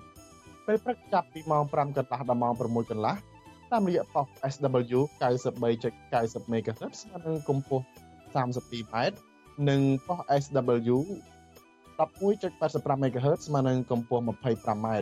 ពេលយប់ចាប់ម៉ោង7កន្លះដល់ម៉ោង8កន្លះតាមរយៈប៉ុស SW 93.30 MHz ស្មើនឹងកម្ពស់ 32m ប៉ុស SW 11.88 MHz ស្មើនឹងកម្ពស់ 25m និងប៉ុស SW 15.15 MHz ស្មើនឹងកម្ពស់ 20m សូមអរគុណបាទលោកនាងជាទីមេត្រីតកតងទៅនឹងករណីរដ្ឋាភិបាលដកថ្ងៃ ទិវាសិទ្ធិមនុស្ស10ធ្នូនិងថ្ងៃ23ដុល្លារនៃកិច្ចព្រមព្រៀងសន្តិភាពទីក្រុងប៉ារីសវិញ បាទគឺសកម្មជនសង្គមនិងមន្ត្រីអង្គការសង្គមស៊ីវិលសោកស្ដាយដែលរដ្ឋាភិបាលកម្ពុជាបានព្យាយាមបំភ្លេចពីសិទ្ធិមនុស្សតាមរយៈការដកចេញនៅថ្ងៃរំលឹកកិច្ចព្រមព្រៀងសន្តិភាពទីក្រុងប៉ារីស23ដុល្លារ និងទិវាសិទ្ធិមនុស្សអន្តរជាតិ10ធ្នូចេញពីប្រតិទិនឈប់សម្រាកប្រចាំឆ្នាំបាទពួកគាត់ស្នើរដ្ឋាភិបាលគិតគូរឡើងវិញលើការដាក់ទិវាទាំងនោះជាថ្ងៃឈប់សម្រាកទូទៅដើម្បីឲ្យប្រជាពលរដ្ឋបានចូលរួមនិងរំលឹកនៅអត្ថន័យសំខាន់សំខាន់នៅក្នុងថ្ងៃនោះបាទលោកយ៉ងច័ន្ទរារាយការណ៍ព័ត៌មាននេះសកម្មជនសង្គមរិះគន់ទៅលើរដ្ឋាភិបាលថ្មីដឹកនាំដោយលោកហ៊ុនម៉ាណែតដែលនៅតែមិនដាក់បញ្ចូលថ្ងៃទី23តុលានៃកិច្ចព្រមព្រៀងសន្តិភាពទីក្រុងប៉ារីសនិងថ្ងៃ10ធ្នូ ទិវាសិទ្ធិមនុស្សអន្តរជាតិចូលទៅក្នុងប្រតិទិនឈប់សម្រាកប្រចាំឆ្នាំឡើងវិញថាជាការមិនខ្វាយខ្វល់អំពីសិទ្ធិមនុស្សនិងព្រឹត្តិការណ៍ប្រវត្តិសាស្ត្រដែលបញ្ចប់សង្គ្រាមនៅក្នុងប្រទេសកម្ពុជាសកម្មជនកិច្ចព្រមព្រៀងសន្តិភាពទីក្រុងប៉ារីសលោកស្រុនស្រូនប្រាប់វិទ្យុអាស៊ីសេរីនៅថ្ងៃទី13ធ្នូថាការលុបចោលថ្ងៃឈប់សម្រាកនៃការរំលឹកខួបកិច្ចព្រមព្រៀងសន្តិភាពទីក្រុងប៉ារីសគឺប្រៀបបានទៅនឹងការជន់ឈ្លីច្បាប់កម្ពុជាកម្ពុជានិងកតិកាសញ្ញាសំខាន់សំខាន់ដទៃទៀត ដែលកម្ពុជាបានផ្ដល់សេចក្ដីបានដើម្បីបញ្ចប់សង្គ្រាមលោកលើកឡើងថាកិច្ចព្រមព្រៀងសន្តិភាពទីក្រុងប៉ារីស23ដុល្លារគឺជាថ្ងៃប្រវត្តិសាស្ត្រនិងមានសារៈសំខាន់ជាងថ្ងៃ7មករាដែលរដ្ឋាភិបាលយកធ្វើជាទិវាជ័យជំនះលើរបបខ្មែរក្រហម។ អញ្ចឹងរដ្ឋធម្មនុញ្ញខ្មែរគឺកើតចេញពីកិច្ចព្រមព្រៀងប៉ារីចុះបើទុកកិច្ចព្រមព្រៀងប៉ារីចោលស្មើនឹងរំលោភរដ្ឋធម្មនុញ្ញស្មើនឹងរំលោភក្រមព្រំប្រទានក្រមរដ្ឋប្រវេណីហើយនឹងច្បាប់សិទ្ធិមនុស្សអន្តរជាតិដទៃទៀតដែលខ្មែរចុះសច្ចាបានដូចជាកតិកាសញ្ញាអន្តរជាតិសិទ្ធិពិសិដ្ឋពលរដ្ឋសិទ្ធិនយោបាយកតិកាសញ្ញាអន្តរជាតិសិទ្ធិពិសិដ្ឋសង្គមសេដ្ឋកិច្ចវប្បធម៌និងច្បាប់សិទ្ធិមនុស្សជាសកលដទៃទៀតពួកឯកសារកិច្ចព្រមព្រៀងប៉ារីនេះគឺបានសរសេរតម្រូវឲ្យចុះសច្ចាបានទៅលើច្បាប់សិទ្ធិមនុស្សអន្តរជាតិរដ្ឋាភិបាលកម្ពុជា បានចេញអនុក្រឹត្យស្ដីពីប្រតិទិនឈប់សម្រាកការងារសម្រាប់មន្ត្រីរាជការនិយោជិត និងកម្មករប្រចាំឆ្នាំ2024ខាងមុខមានចំនួន22ថ្ងៃក៏ប៉ុន្តែនៅក្នុងប្រតិទិនឈប់សម្រាកនោះរដ្ឋាភិបាលបានដកពិធីបុណ្យជាតិនិងអន្តរជាតិសំខាន់សំខាន់ចំនួន5មិនត្រូវបានអនុញ្ញាតឲ្យឈប់សម្រាករួមមានបុណ្យមាឃបូជាទិវាជាតិនៃការចងចាំទិវាកុមារអន្តរជាតិជាពិសេសគឺទិវារំលឹកខួបកិច្ចព្រមព្រៀងសន្តិភាពទីក្រុងប៉ារីស23ដុល្លារ និងទិវាសិទ្ធិមនុស្សអន្តរជាតិ10ធ្នូដែលសង្គមស៊ីវិលនិងប្រជាពលរដ្ឋជាច្រើនចាត់ទុកថាជាថ្ងៃសំខាន់ដែលពួកគេតែងតែប្រារព្ធកម្មវិធីជួបជុំជារៀងរាល់ឆ្នាំនិងយកឱកាសនោះស្នើទៅរដ្ឋាភិបាលឲ្យគោរពនីតិរដ្ឋសិទ្ធិមនុស្សនិងស្ដារប្រជាធិបតេយ្យព្រមទាំងដោះលែងអ្នកទោសនយោបាយអ្នកទោសមនសិការដែលរដ្ឋាភិបាលបានចាប់ខ្លួនទាំងបំពេញជុំវិញរឿងនេះអ្នកនាំពាក្យគណៈបកប្រជាជនកម្ពុជាលោកសុកអេសានលើកឡើងថា ការសម្រេចមិនបញ្ចូលថ្ងៃកិច្ចព្រមព្រៀងសន្តិភាពទីក្រុងប៉ារីស23ដុល្លារនិងទិវាសិទ្ធិមនុស្សអន្តរជាតិ10ធ្នូទៅក្នុងពិធីបុណ្យជាតិនិងប្រតិទិននេះមិនប៉ះពាល់ទៅដល់ការគោរពសិទ្ធិមនុស្សឡើយកិច្ចព្រមព្រៀងទីក្រុងប៉ារីសឬមួយក៏សិទ្ធិមនុស្សមិនមែនអនុវត្តតែមួយថ្ងៃថ្ងៃ10ធ្នូឬមួយថ្ងៃ23ខែតុលានោះទេរាល់ថ្ងៃនេះរាជរដ្ឋាភិបាលដែលលោកដឹកនាំប្រទេសប្រកបដោយសន្តិភាពស្ថិរភាពនយោបាយគឺផ្អែកទៅលើមូលដ្ឋាននៃស្មារតីកិច្ចព្រមព្រៀងប៉ារីសនឹងឯង ទោះជាយ៉ាងនេះក្តីនាយកទទួលបន្ទុកកិច្ចការទូតទៅនៃអង្គការសិទ្ធិមនុស្សលីកាដូលោកអំសំអាត ស្នើឲ្យរដ្ឋាភិបាលពិចារណាដាក់បញ្ចូលកិច្ចព្រមព្រៀងសន្តិភាពទីក្រុងប៉ារីស23ដុល្លារនិងទិវាសិទ្ធិមនុស្សអន្តរជាតិ10ធ្នូទៅក្នុងពិធីបុណ្យជាតិឡើងវិញដើម្បីឲ្យប្រជាពលរដ្ឋចងចាំនិងយល់ពីសារៈសំខាន់នៃថ្ងៃប្រវត្តិសាស្ត្រដែលគូចំនួនខ្មែរគ្រប់ភាគីព្រមបញ្ចប់សង្គ្រាមស៊ីវិលដ៏រ៉ាំរ៉ៃនៅកម្ពុជា និងជំរុញឲ្យរដ្ឋាភិបាលគោរពសិទ្ធិមនុស្ស ដែលមានចែងនៅក្នុងរដ្ឋធម្មនុញ្ញបើសិនជានៅក្នុងប្រតិទិននៃឈប់សម្រាកពលរដ្ឋដែលឈប់សម្រាកគាត់ដឹងថាថ្ងៃនេះជាថ្ងៃកិច្ចព្រមព្រៀងទីក្រុងប៉ារីថ្ងៃទិវាសិទ្ធិមនុស្សធ្វើឲ្យគាត់ចងចាំប៉ុន្តែនៅពេលដែលមិនបានដាក់នៅក្នុងថ្ងៃឈប់សម្រាកពួកគាត់ដល់ថ្ងៃគឺអត់បានដឹងបានន័យថាផ្លេចយូរយូរទៅអាចនឹងផ្លេចនៅថ្ងៃទាំងពីរនេះបាទកាលពីអំឡុងឆ្នាំ2005រដ្ឋាភិបាលកម្ពុជាដែលកាលនោះដឹកនាំដោយលោកហ៊ុនសែន បានសម្រេចដកថ្ងៃ23ដុល្លារចេញពីបនជាតិម្ដងរួចមកហើយលុះមកដល់ឆ្នាំ2012រដ្ឋាភិបាលដដែលនេះក៏បានកំណត់យកថ្ងៃទី23តុលាដាក់ជាថ្ងៃបុណ្យជាតិឲ្យមានឈប់សម្រាកឡើងវិញដោយមន្ត្រីរដ្ឋាភិបាលកាលនោះអះអាងថាដើម្បីឧទ្ទិសដល់ព្រះវីរភាពរបស់សម្ដេចព្រះមហាវីរក្សត្រសម្ដេចព្រះនរោត្តមសីហនុនិងលោកហ៊ុនសែនដែលជាស្ថាបនិកនៃការចុះកិច្ចព្រមព្រៀងសន្តិភាពទីក្រុងប៉ារី ថ្ងៃទី23តុលាឆ្នាំ1991ក៏ប៉ុន្តែនៅឆ្នាំ2020រដ្ឋាភិបាលកម្ពុជាក្រោមការដឹកនាំរបស់លោកហ៊ុនសែនបានសម្រេចដកទិវារំលឹកខួបកិច្ចព្រមព្រៀងសន្តិភាពទីក្រុងប៉ារី23តុលាជាថ្មីម្ដងទៀតរួមជាមួយនឹងទិវាសិទ្ធិមនុស្សអន្តរជាតិ10ធ្នូប៉ុនមៀកកបូជាទិវាជាតិនៃការចងចាំ និងទិវាកុមារអន្តរជាតិសកម្មជនសង្គមប្រជាពលរដ្ឋយុវជន និងមន្ត្រីអង្គការសង្គមស៊ីវិលស្នើឲ្យរដ្ឋាភិបាល ដាក់បញ្ចូលថ្ងៃសំខាន់ទាំងពីរនេះចូលទៅក្នុងប្រតិទិនឈប់សម្រាកឡើងវិញដើម្បីបង្ហាញថារដ្ឋាភិបាលពិតជាមានឆន្ទៈគោរពគោលការណ៍សិទ្ធិមនុស្សនិងដឹកនាំប្រទេសទៅតាមបែបប្រជាធិបតេយ្យពិតប្រាកដខ្ញុំយ៉ងច័ន្ទដារាវិទ្យុអាស៊ីសេរី Washington បានលោកនាងជាទីមេត្រីនៅថ្ងៃទី13ធ្នូនេះរដ្ឋសភាដែលគ្រប់គ្រងដោយគណៈបកកណ្ដាលអំណាចបានបោះឆ្នោតឲ្យលោកប្រៃច័ន្ទក្លាយជាប្រធានគូជបរយៈពេល1អាណត្តិទៀត ក៏ប៉ុន្តែមន្ត្រីគណៈបកប្រឆាំងមើលឃើញថាសមាជិកគោជបថ្មីនេះនៅតែមិនទាន់អាចឲ្យសាធារណជនទុកចិត្តបានឡើយទេបាទនៅរាត្រីនេះខ្ញុំបាទក៏នៅមានបទសម្ភាសន៍មួយជាមួយនឹងប្រធានគណៈបកកម្លាំងជាតិគឺលោកស៊ុនចន្ទធីចង់ដឹងទស្សនៈរបស់លោកថាតើលោកមើលឃើញយ៉ាងម៉េចចំពោះសមាជិកគោជបថ្មីនេះអាចជឿទុកចិត្តបានទេឬក៏នៅតែដដែលឬក៏កាន់តែអាក្រក់ជាងមុនទៅទៀតបាទសូមលោកនាងរងចាំស្ដាប់បទសម្ភាសន៍របស់ខ្ញុំបាទនៅពេលបន្តិចទៀតនេះហើយមុននឹងដល់បទសម្ភាសន៍នេះសូមលោកនាងស្ដាប់ព័ត៌មានដាច់ដライមួយទៀតទាក់ទងទៅនឹងបញ្ហាបរិស្ថានវិញបាទដើមឈើធំធំមានអាយុកាលរាប់រយឆ្នាំស្ថិតនៅក្នុងតំបន់ដែនជំរកសត្វព្រៃពេលរកានៅក្នុងខេត្តព្រះវិហារដែលគ្រប់គ្រងដោយក្រសួងបរិស្ថាន កំពុងទទួលរងកាត់ផ្ដួលដើម្បីធ្វើអាជីវកម្មជាបន្តបន្ទាប់បាទក្រុមយុវជនដែលធ្វើដំណើរទៅដល់ទីតាំងបាត់ល្មើសព្រៃឈើទាំងនោះបានថតវីដេអូនិងរូបភាពបង្ហោះតាមបណ្ដាញសង្គមផ្ដាំប្រាប់មន្ត្រីរដ្ឋមន្ត្រីក្រសួងបរិស្ថានថ្មីគឺលោកអៀងសផាឡែតថាអសមត្ថភាពថែទាំភោគទ្រព្យជាតិ បាទលោកមានរិទ្ធរាយការណ៍ព័ត៌មាននេះ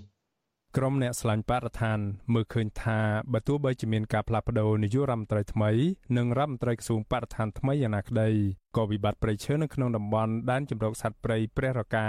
នៅតែមិនទាន់អាចដោះស្រាយបានដដែលពួកគេសោកស្ដាយដែលដើមឈើធំធំ ដែលដូនតាខំថែរក្សារាប់រយឆ្នាំមកហើយនោះបែរជារងនឹងការបំផ្លិចបំផ្លាញនៅក្នុងសម័យនេះដោយគ្មានការទទួលខុសត្រូវ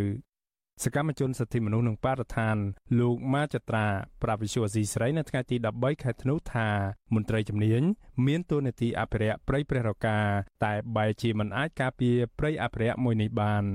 លោកថារដ្ឋាភិបាលត្រូវទទួលខុសត្រូវនៅចំពោះមុខប្រវត្តិសាស្ត្រប្រលឹងដូនតានិងការប្រែប្រួលអាកាសធាតុដែលប៉ះពាល់ដល់សង្គមជាតិរយៈពេលវែងអញ្ចឹងយើងមើលប្រៃយើងយើងអសូរដូនតាយើងខំកសាងហេតុអីគាត់មកចង្រៃត្រឹមសម័យនេះ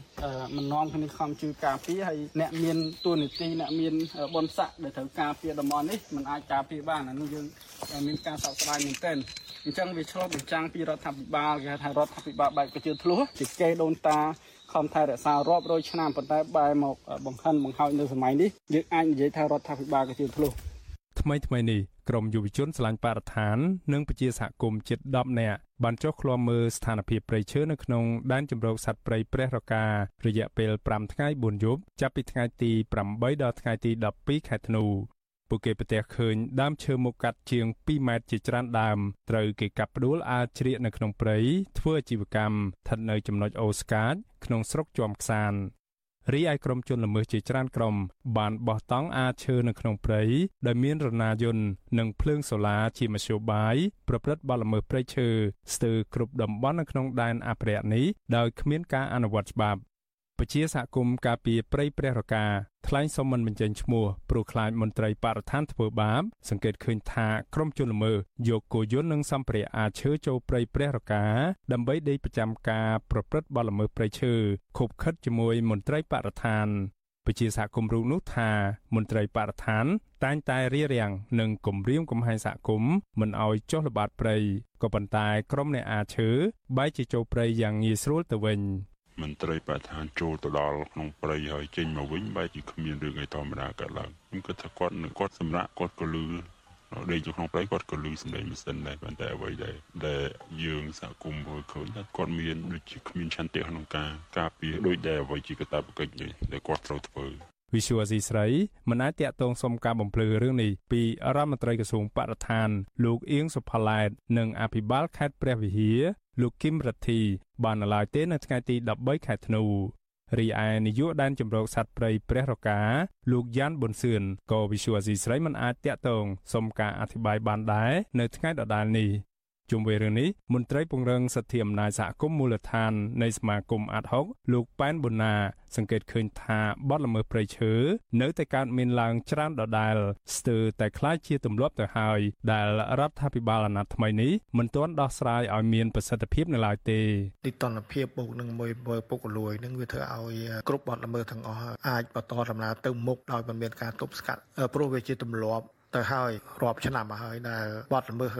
ព្រៃឈើហ្នឹងត្រូវបានកាប់រំលំដឹកយកទៅក្រៅប្រទេសហ្នឹងរាប់ពាន់រាប់ម៉ឺនរាប់សែនម៉ែត្រគីបរបាយការណ៍អង្កេតលើកទី2របស់ក្រុមអ្នកស្រាវជ្រាវនៃសាកលវិទ្យាល័យ Copenhagen នៅប្រទេសដាណឺម៉ាកបង្ហាញថាកម្ពុជាបាត់បង់ព្រៃឈើអស់ជាង140,000ហិកតា កាលពីឆ្នាំ2020 ក្នុងនោះការបាត់បង់គម្របព្រៃឈើនៅក្នុងដែនជម្រកសត្វព្រៃព្រៃឡង់កើនឡើង22%ព្រៃព្រះរកាកើនឡើង43%និងដែនជម្រកសត្វព្រៃសង្ឃរុក្ខវ័នកើនឡើងចំនួន47%ខ្ញុំបានមេរិត Visual Asia ស្រី ពីរដ្ឋធានី Washington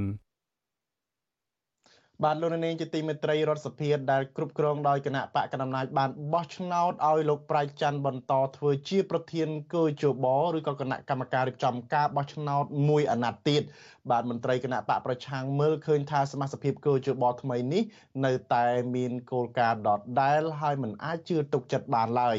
បាទសូមស្ដាប់សេចក្តីរាយការណ៍បន្ថែមរបស់លោកជីវិតារដ្ឋសភានៅថ្ងៃទី13ខែធ្នូនេះ បានបើកអង្គប្រជុំដឹកនាំដោយអ្នកស្រីខួនសុដារី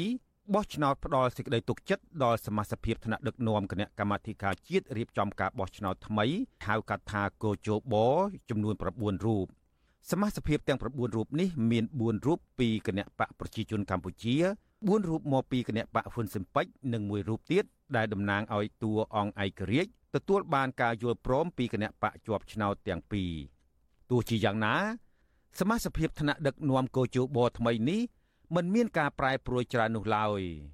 ជាក់ស្ដែងសមាជិកសភាដែលភាកច្រើនលើសលប់មកពីគណៈបកប្រជាជនកម្ពុជា បានបោះឆ្នោតឲ្យលោកប្រាច័ន្ទជាប់ឆ្នោតជាប្រធាន លោកជឺចំណានជាអនុប្រធានជំនួសលោកនុតសុខុមមកពីគណៈបកហ៊ុនស៊ិនប៉ិចនិងសមាជិកកោជបចំនួន7រូបផ្សេងទៀតក្នុងនោះរួមមានលោកមានសិទ្ធិលោកដឹមសវណ្ណរម និងលោកសោមសូរីដាមកពីគណៈបកប្រជាជនកម្ពុជា ចំណែកលោកហេងស៊ីលេងលោកយិចសមិទ្ធិនិងលោកហែលសារ៉ាតមកពីគណៈបកហ៊ុនស៊ិនប៉ិចគណៈលោកហងពុធានៅតែជាប់ជាសមាជិកទី9របស់គោជបដដែលអ្នកនាំពាក្យគណៈបកហ៊ុនស៊ិនប៉ិចលោកញឿនរ៉ាដែនសង្ឃឹមថាបេក្ខជនដែលជាប់ឆ្នោតនឹងបំពេញតួនាទីតាមច្បាប់កំណត់ គិតថាសមាជិកក៏ដូចជាសមាជិកានៃតែទទួលបានការគ្រប់គ្រងពីសុភានឹងនឹងបំរើកិច្ចការរបស់ខ្លួនទៅតាមច្បាប់កំណត់ជាពិសេសធានាបាននៃការបោះឆ្នោតនៅពេលខាងមុខនេះសេរីយុត្តិធម៌និងគ្រប់គណៈបកនយោបាយទាំងអស់ទទួលយកបានចំណែកអនុប្រធានគណៈបកភ្លើងទៀនលោកសុនឆៃរិះគន់ថាចាប់តាំងពីតុលាការកំពូលរំលាយគណៈបកសង្គ្រោះជាតិមក ស្ថាប័នកោជបមិនមានភាពឯករាជ្យ ហើយលំអៀងទៅគណៈបកកាន់អំណាចលោកថាបើទោះជាគណៈបកហ៊ុនស៊ិនពេជ្រមានបេក្ខជនជាប់ឆ្នោតក្តីក៏មិនទាន់ឲ្យសាធារណជនជឿទុកចិត្តលើស្ថាប័ននេះនៅឡើយទេ ដូច្នេះខ្ញុំគ្រាន់តែចង់មិនទាន់អាចនឹងសន្និដ្ឋានយ៉ាងណាជាក់លាក់ទេប៉ុន្តែគ្រាន់តែថាសមាជិកភាពដែលតែងតាំងនេះវាត្រូវតែបានបញ្ជាក់ដែរថាតើជ្រើសពីប្រភពណាច្បាស់លាស់នោះទើបទើបយើងអាចសន្និដ្ឋានបានខ្លះក៏ប៉ុន្តែដូចយើងដឹងហើយគណៈបកប៉ុន្តែទៅហាក់ដូចជាមានឥទ្ធិពលអីប៉ុន្មានជាតំណាងឲ្យពលរដ្ឋជាម្ចាស់ឆ្នោតនៅក្នុងប្រទេសកម្ពុជានោះទេបាទ ប្រធានគណៈកម្មាធិការជាតិរៀបចំការបោះឆ្នោតលោកប្រាជ្ញច័ន្ទបានដឹកនាំស្ថាប័ននេះចាប់តាំងពីពាក់កណ្ដាលឆ្នាំ2021មកហើយលោកក៏ធ្លាប់ជាអតីតមន្ត្រីជាន់ខ្ពស់នៃគណៈបកប្រជាជនកម្ពុជាផងដែរធ្ងន់ធ្ងរជាងនេះគោជបក្រោមការដឹកនាំរបស់លោកប្រាជ្ញច័ន្ទកាន់តែបាត់បង់ជំហរឯករាជ្យរបស់ខ្លួនជាងមុនទៅទៀតពីព្រោះស្ថាប័នអាជ្ញាកណ្ដាលមួយនេះ បានគាំទ្រជាចំហចំពោះការដឹកនាំរបស់លោកហ៊ុនសែនអតីតនាយករដ្ឋមន្ត្រីនិងបានចេញមុខប្តឹងអ្នករិះគន់កោជបទៅតុលាការដែលជារឿងមិនធ្លាប់កើតមាននោះទេ ក្នុងប្រវត្តិជាង20ឆ្នាំរបស់កោជបវិទ្យុអាស៊ីសេរីមិនទាន់អាចសុំការឆ្លើយតបរឿងនេះពីអ្នកនាំពាក្យរដ្ឋសភាលោកលេងពេញឡុងនិងអ្នកនាំពាក្យគណៈកម្មាធិការជាតិរៀបចំការបោះឆ្នោតលោកហងពុធា ដើម្បីសូមអត្ថាធិប្បាយបន្ថែមជុំវិញបញ្ហានេះបាននៅឡើយទេ នៅថ្ងៃទី13ធ្នូទោះជាយ៉ាងណាក៏ដោយចុះនាយកប្រតិបត្តិអង្គការឃ្លាំមើលការបោះឆ្នោតនៅកម្ពុជាហៅកាត់ថា Netflix លោកសំគុណធីមីបោះក្តីសង្ឃឹមថាគណៈកម្មាធិការជាតិរៀបចំការបោះឆ្នោតថ្មី អាចនឹងល្អប្រសើរក្នុងអាណត្តិនេះព្រោះថាមានគណៈបកហ៊ុនស៊ិនពេចចូលរួម លោកសំគុណធីមីបន្តថា គណៈកម្មាធិការជាតិរៀបចំការបោះឆ្នោតថ្មីត្រូវតែអនុវត្តច្បាប់និងធានាថា ស្ថាប័នមួយនេះមានភាពឯករាជ្យ ខ្ញុំសង្ឃឹមថាសមាជិកជបដែលចេញពីគណៈបកទាំងពីរនៅរដ្ឋសភាហ្នឹងគឺថាអនុវត្តទៅតាមគោលការណ៍ច្បាប់ច្បាប់ស្តីពីការបោះឆ្នោតហ្នឹងបានគោរពឆន្ទៈលើកស្ទួយគោរពនឹងឆន្ទៈសិទ្ធិពលរដ្ឋសិទ្ធិនយោបាយដើម្បីឲ្យគណៈឲ្យជាពលរដ្ឋហ្នឹងមានជំនឿទៅលើសមាជិកជបដែលជាគណៈកម្មការឯករាជ្យរៀបចំការបោះឆ្នោតហ្នឹងបាទ មាត្រា3នៃច្បាប់ស្តីពីការរៀបចំនិងការប្រព្រឹត្តទៅនៃគណៈកម្មាធិការជាតិរៀបចំការបោះឆ្នោតចែងថាគោជបត្រូវតែអនុវត្តសមត្ថកិច្ចរបស់ខ្លួនដោយឯករាជ្យនិងអព្យាក្រឹតដើម្បីធានាឲ្យការបោះឆ្នោតប្រព្រឹត្តទៅដោយសេរីត្រឹមត្រូវនិងយុត្តិធម៌ស្របតាមគោលការណ៍នៃលទ្ធិប្រជាធិបតេយ្យសេរីពហុបកសមាជិកទាំងឡាយនៃគោជបគ្រប់លំដាប់ថ្នាក់ត្រូវមានជំហរអព្យាក្រឹតឥតលំអៀង ក្នុងការអនុវត្តការងារបោះឆ្នោតទោះជាយ៉ាងណាចាប់តាំងពីតុលាការកំពូលដែលស្ថិតក្រោមអធិបុលរបស់គណៈបកកាន់អំណាចរំលាយគណៈបកសង្គ្រោះជាតិកាលពីឆ្នាំ2017មក ស្ថាប័នកោជបត្រូវបានគេមើលឃើញថា ស្ថិតនៅក្រោមខ្សែញាក់របស់បកកាន់អំណាចដដែលហើយស្ថាប័នមួយនេះតែងតែលំអៀងទៅរកគណៈបកកាន់អំណាចនៅក្នុងការរៀបចំការបោះឆ្នោត ជាពិសេសនៅពេលស្ថាប័នរៀបចំការបោះឆ្នោតមួយនេះ មិនអនុញ្ញាតឲ្យគណៈបកភ្លើងទៀនចូលរួមការបោះឆ្នោតថ្នាក់ជាតិកាលពីខែកក្កដាឆ្នាំ2023នេះខ្ញុំជីវិតាអាស៊ីសេរីបាទលោកនាងជាទីមេត្រីដោយបានជម្រាបមិញអញ្ចឹងថាខ្ញុំបាទនឹងមានបទសម្ភាសន៍មួយជាមួយនឹងប្រធានគណៈបកកម្លាំងជាតិគឺលោកសុនចន្ទធីជំវិញរឿងការតែងតាំងសមាជិកកោជបថ្មីនេះបាទឥឡូវនេះយើងបានភ្ជាប់ទូរស័ព្ទជាមួយនឹងលោកសុនចន្ទធីបានហើយសូមជម្រាបសួរលោកសុនចន្ទធីបាទបាទសូមជម្រាបសួរបាទ បាទអរគុណលោកសុនចន្ទធីដែលបានចំណាយពេលចូលរួមជាមួយនឹងវិទ្យុអស៊ីសេរីនៅរាត្រីនេះបាទបាទដោយលោកសុនចន្ទធីបានដឹងហើយថានៅថ្ងៃនេះសភាបានបោះឆ្នោតជ្រើសរើសក្បាលម៉ាស៊ីនដឹកនាំគោជបមួយអាណត្តិថ្មីទៀតបាទដើម្បីបន្តដំណើរការងារបាទអឺយើងឃើញថាសមាជិកគោជបថ្មីហ្នឹងគឺនៅតែ មិនប្រែប្រួលអីប្រមាណទេគឺលោកប្រាច់ច័ន្ទដែលមកពីគណៈបកប្រជាជនកម្ពុជានឹងនៅតែជាប្រធានកោជបដដែល ហើយអនុប្រធានមានការផ្លាស់ប្ដូរដោយដាក់លោកជឿចំណានជាអនុប្រធានជំនួសលោកនុតសខុមដែលមកពីគណៈបកហ្វុនស៊ីមពេចដូចគ្នាហើយក្រៅពីនឹងទេគឺមានសមាជិក3រូបទៀតដែរក៏មានការផ្លាស់ប្ដូរគឺលោកដុចសុនលោកហ៊ីងធីរិតនិងលោកអែមសុផាតត្រូវបានដកចេញហើយដាក់ជំនួសដោយលោកសោមសូរិដាលោកហេងស៊ីលេង ហើយនឹងលោកយិចសមិទ្ធិនិងលោកមានសតិបាទហើយមានលោកមានសតិលោកដឹមសវណ្ណរមលោកហែលសារ៉ាត់និងលោកហងពុទ្ធាជាដើមគឺមកបន្តកាន់មួយអាណត្តិទៀតបាទអឺសមាជិកនេះយើងឃើញថាបេគណៈបព្វជិជនមានលោកប្រាច័ន្ទមានលោកមានសតិលោកដឹមសវណ្ណរមនិងលោកសោមសូរិដាហើយសមាជិក4រូបទៀតមកពីខាងគណៈបកហ្វុនសិមពេចហ្នឹងគឺមានលោកជឿចំណានលោកហេងស៊ីលេងលោកយិញសមិទ្ធិនិងលោកអឺ ហែលសារ៉ាត់ដែលលោកហែលសារ៉ាត់នឹងពីមុនគឺជាអតីតមន្ត្រីគណៈបកសញ្ជាតិកម្ពុជាបាទហើយលោកហងពុធានឹងជាសមាជិកទី9ដែលតំណាងឲ្យទូអង្គឯករាជ្យនឹងគឺអឺត្រូវបានយល់ព្រមពីគណៈបកដែលមានអាសនៈនៅក្នុងរដ្ឋសភានឹងអឺចំពោះការតែងតាំងក្បាលម៉ាស៊ីនថ្មីនៃកោជបនេះសម្រាប់លោកអឺសុនចន្ទធីដែល ជាប្រធានគណៈបកកម្លាំងជាតិហើយត្រៀមនឹងចូលរួមប្រគួតប្រជែងការបោះឆ្នោតនៅពេលខាងមុខនឹង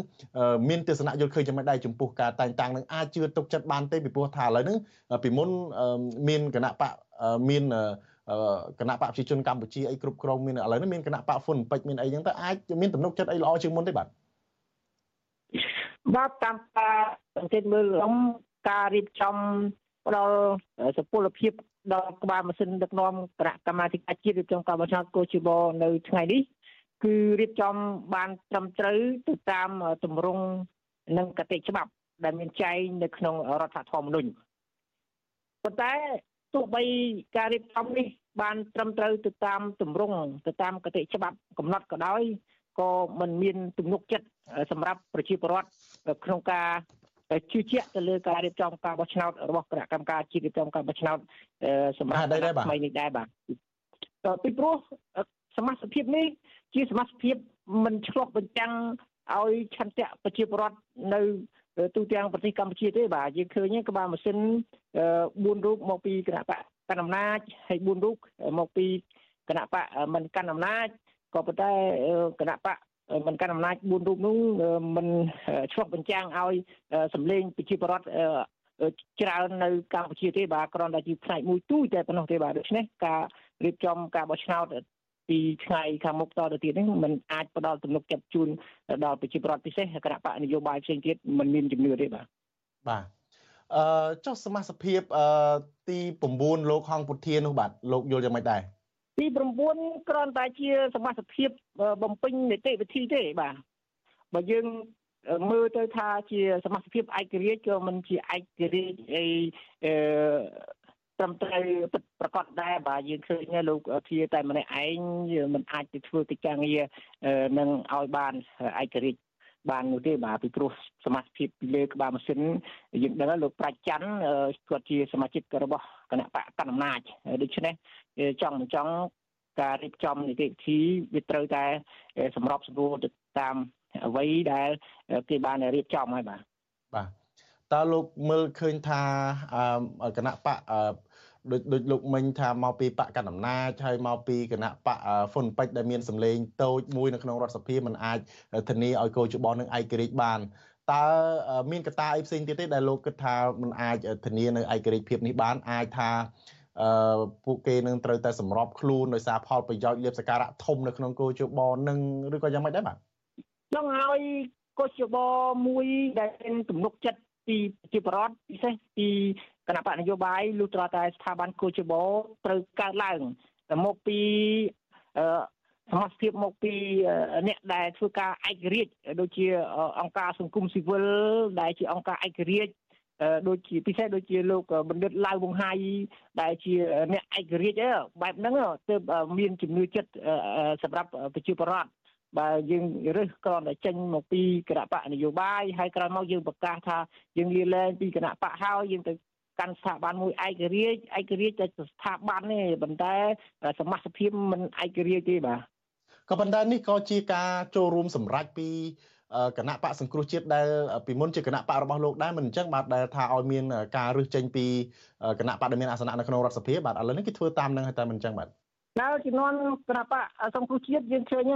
គណៈបកសង្គ្រោះជាតិមានប្រជាពលរដ្ឋគ្រប់គ្រងរាប់លានអ្នកបាទជាងកន្លះប្រទេសដូច្នេះអាចតំណាងឲ្យ សមាជិក4រូបពីគណៈបកសង្គ្រោះជាតិកាលនោះត្រឹមត្រូវហើយក៏ប៉ុន្តែឥឡូវនេះកលៈទេសៈនេះស្ថានភាពនេះយើងឃើញហើយគណៈបកដែលធំគណៈបកប្រជាធិបតេយ្យគណៈបកប្រឆាំងដែលមានសម្លេងគាំទ្រពីប្រជាពលរដ្ឋច្រើននោះលុបត្រូវបានគេផាត់ចេញហើយដូច្នេះគ្មានសម្លេងតំណាងឲ្យប្រជាពលរដ្ឋច្រើននោះលុបនៅក្នុងស្ថាប័ននឹងទៀតទេបាទ បាទចុះបើសិនជាលោកមើលឃើញហើយមិនទាន់ទុកចិត្តទៅលើស្ថាប័នកោជបនេះទេថាតើគណៈបករបស់លោកនឹងបន្តធ្វើសកម្មភាពបែបណាទេនឹងតស៊ូមតិបែបណាដើម្បីឲ្យមានការកែតម្រង់កោជបនឹងដូចដែលធ្វើកន្លងមកពីខាងអង្គការសង្គមស៊ីវិលនឹងប៉ុន្តែមិនទាន់មានស្វ័យប្រតាឥឡូវនេះខាងលោកនឹងបន្តធ្វើយ៉ាងម៉េចទេបាទ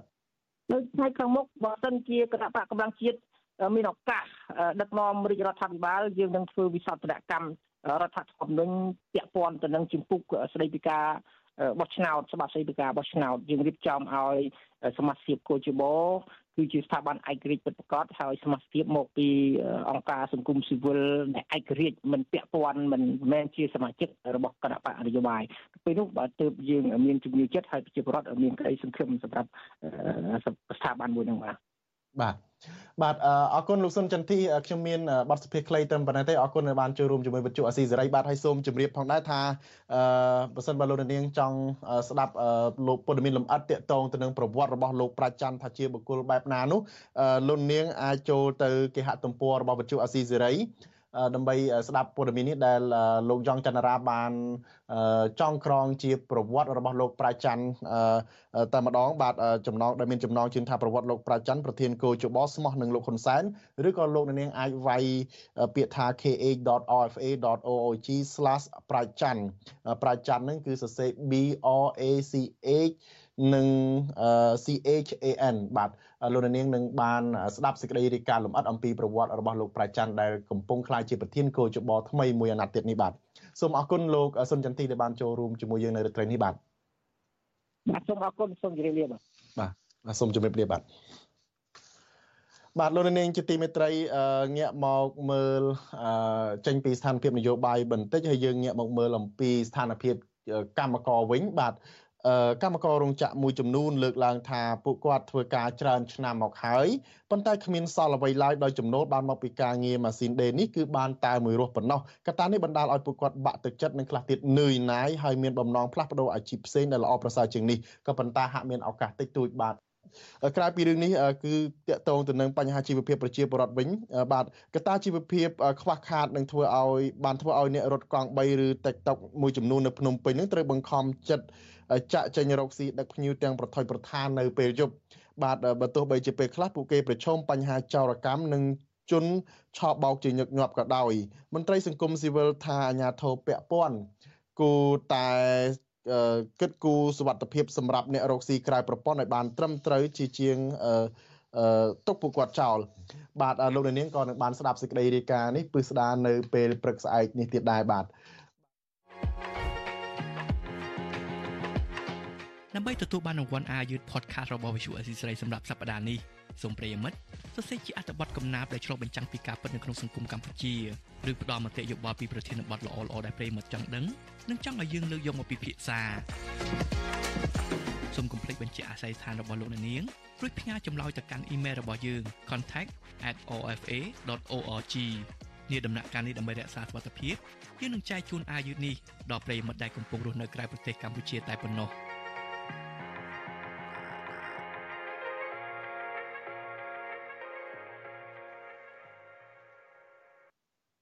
បាទលោកនាងជាទីមេត្រីកម្មវិធីផ្សាយរបស់វិទ្យុអស៊ីសេរីនៅរាត្រីនេះរយៈពេល1ម៉ោងបានមកដល់ទីបញ្ចប់ហើយខ្ញុំបាទសូមអរគុណដល់លោកនាងមានភក្ដីភាពតាមដានការផ្សាយរបស់យើងតាំងពីដើមមកដល់ទីបញ្ចប់